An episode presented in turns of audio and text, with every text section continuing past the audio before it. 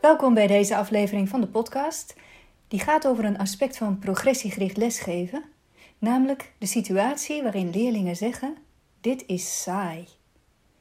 Mijn naam is Gwenda Sloen-Bodien en Koert Visser en ik hebben samen de progressiegerichte aanpak ontwikkeld.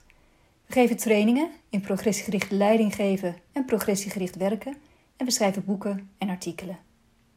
Een boek dat in de zomer van 2023 verschijnt is progressiegericht lesgeven.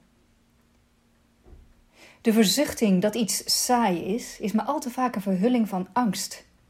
De angst die leerlingen voelen als ze iets moeilijk vinden.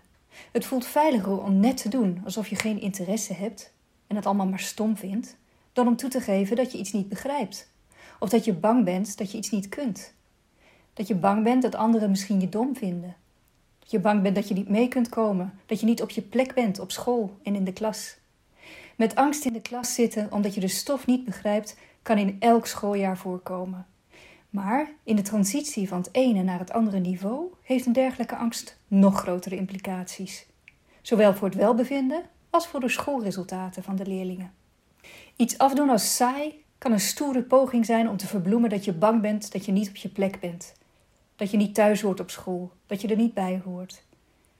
Vrijwel alle leerlingen lopen met die zorgen rond als ze net starten op het voortgezet onderwijs. Of als ze doorstromen van het een naar het andere leerjaar. Pas ik er wel tussen? Accepteren andere leerlingen mij wel? Accepteert mijn leraar mij wel?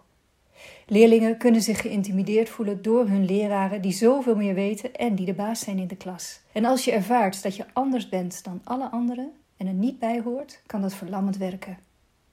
Twee stagnerende overtuigingen die dit soort angst echt voeden, dat zijn de statische mindset-overtuigingen en de overtuiging dat je er niet bij hoort, dat je een buitenbeentje bent.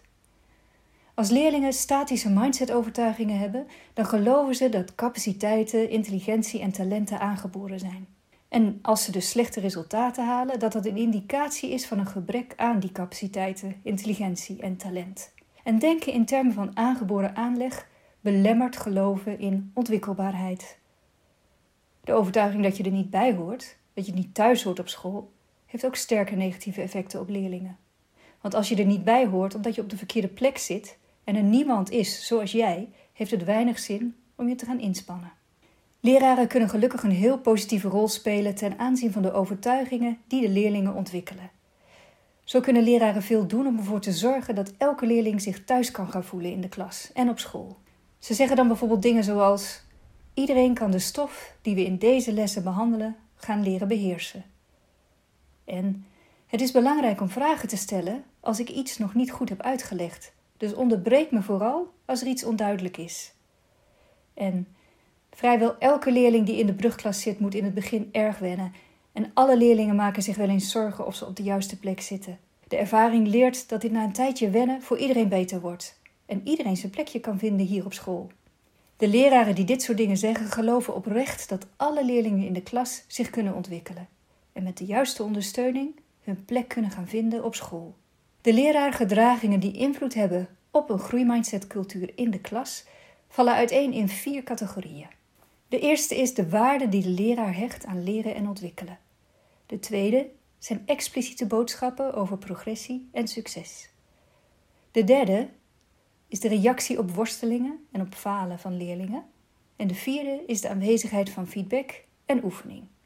Voorbeelden van groeimindset frustrerende of juist stimulerende uitingen van leraren in elk van die categorieën zijn de volgende. De waarde die de leraar hecht aan leren en ontwikkelen. Een statische mindset-uitspraak is: Ik zal ervoor zorgen dat deze lessen heel nuttig zullen zijn voor de talentjes onder jullie die een natuurlijke aanleg hebben voor dit vak. Een groeimindset ondersteunende uiting zou zijn: ik pak mijn lessen op deze manier aan omdat ik geloof dat iedereen in de klas deze stof kan leren en tot een goed resultaat kan komen, ongeacht waar je stond toen je aan dit vak begon. De tweede categorie, expliciete boodschappen over progressie en succes. Een voorbeeld van een groeimind frustrerende uiting is: Het is een goed teken als je een hoog cijfer hebt gehaald voor deze toets. Want leerlingen die op deze toets een hoog cijfer halen, dat zijn ook de leerlingen die slagen voor dit vak een groeimindset stimulerende uiting zou zijn. Leerlingen die dit in het begin nog niet zo goed kunnen, kunnen zich altijd verbeteren als ze effectieve leerstrategieën gaan toepassen, hulp gaan vragen en hard aan de slag gaan. Reactie op worstelingen en falen van leerlingen.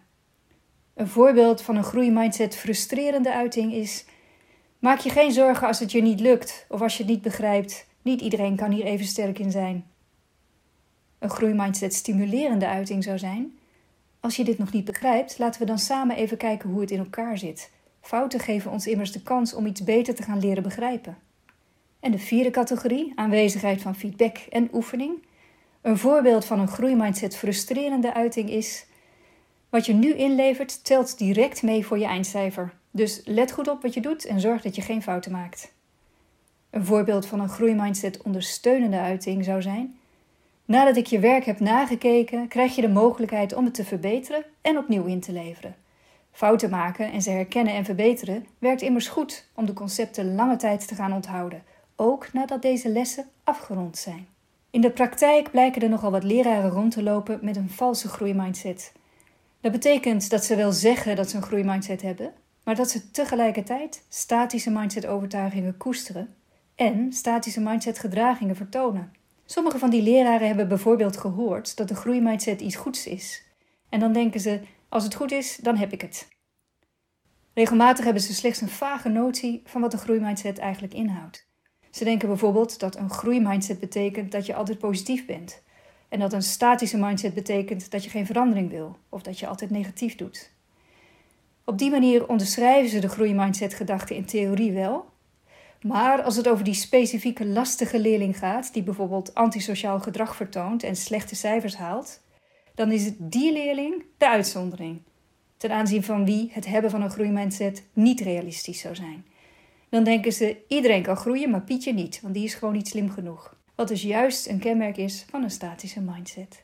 En die valse groeimindset is zo jammer, want juist die leerlingen die het slechtst presteren en het grootste risico lopen op schooluitval, dat zijn de leerlingen die het meeste baat zouden hebben bij een leraar die oprecht een groeimindset heeft ten aanzien van hen.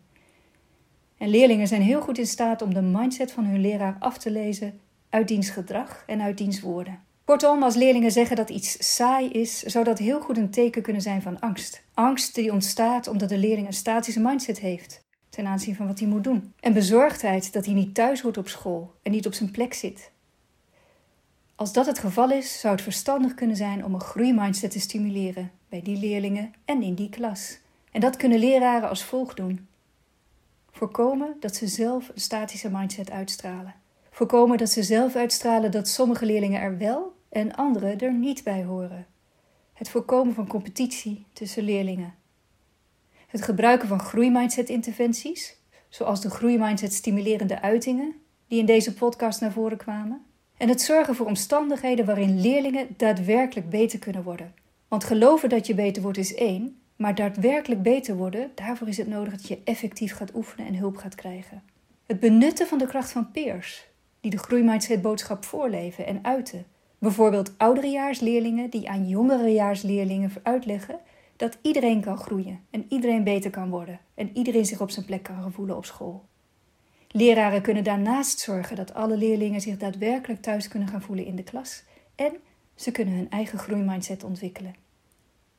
Meer leren kan in onze opleidingen en meer lezen kan in onze boeken, bijvoorbeeld in het boek Progressiegericht lesgeven, florerend leren, dat in de zomer van 2023 verschijnt. Kijk maar eens op www.cpwportal.nl.